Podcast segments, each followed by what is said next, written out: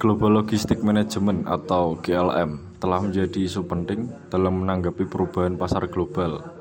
Efisiensi distribusi global memainkan peran penting dan menjadikan salah satu penekanan dalam terjadinya perubahan. Sedangkan perubahan sendiri, menurut O'Rourke, merupakan sesuatu yang tak dapat dihindarkan. Kondisi lingkungan global yang dinamis menjadikan suatu perusahaan sulit untuk dapat bersaing tanpa berkolaborasi dengan pihak lain sehingga siap perusahaan perlu untuk berkolaborasi lintas core bisnis. Misalnya, hubungan internasional menjadi pilihannya. Lingkungan yang berubah juga dinyatakan secara tidak langsung oleh Gatorna bahwa bisnis tidaklah statis dan tidak seharusnya suatu rantai pasok berbeda pada kondisi statis.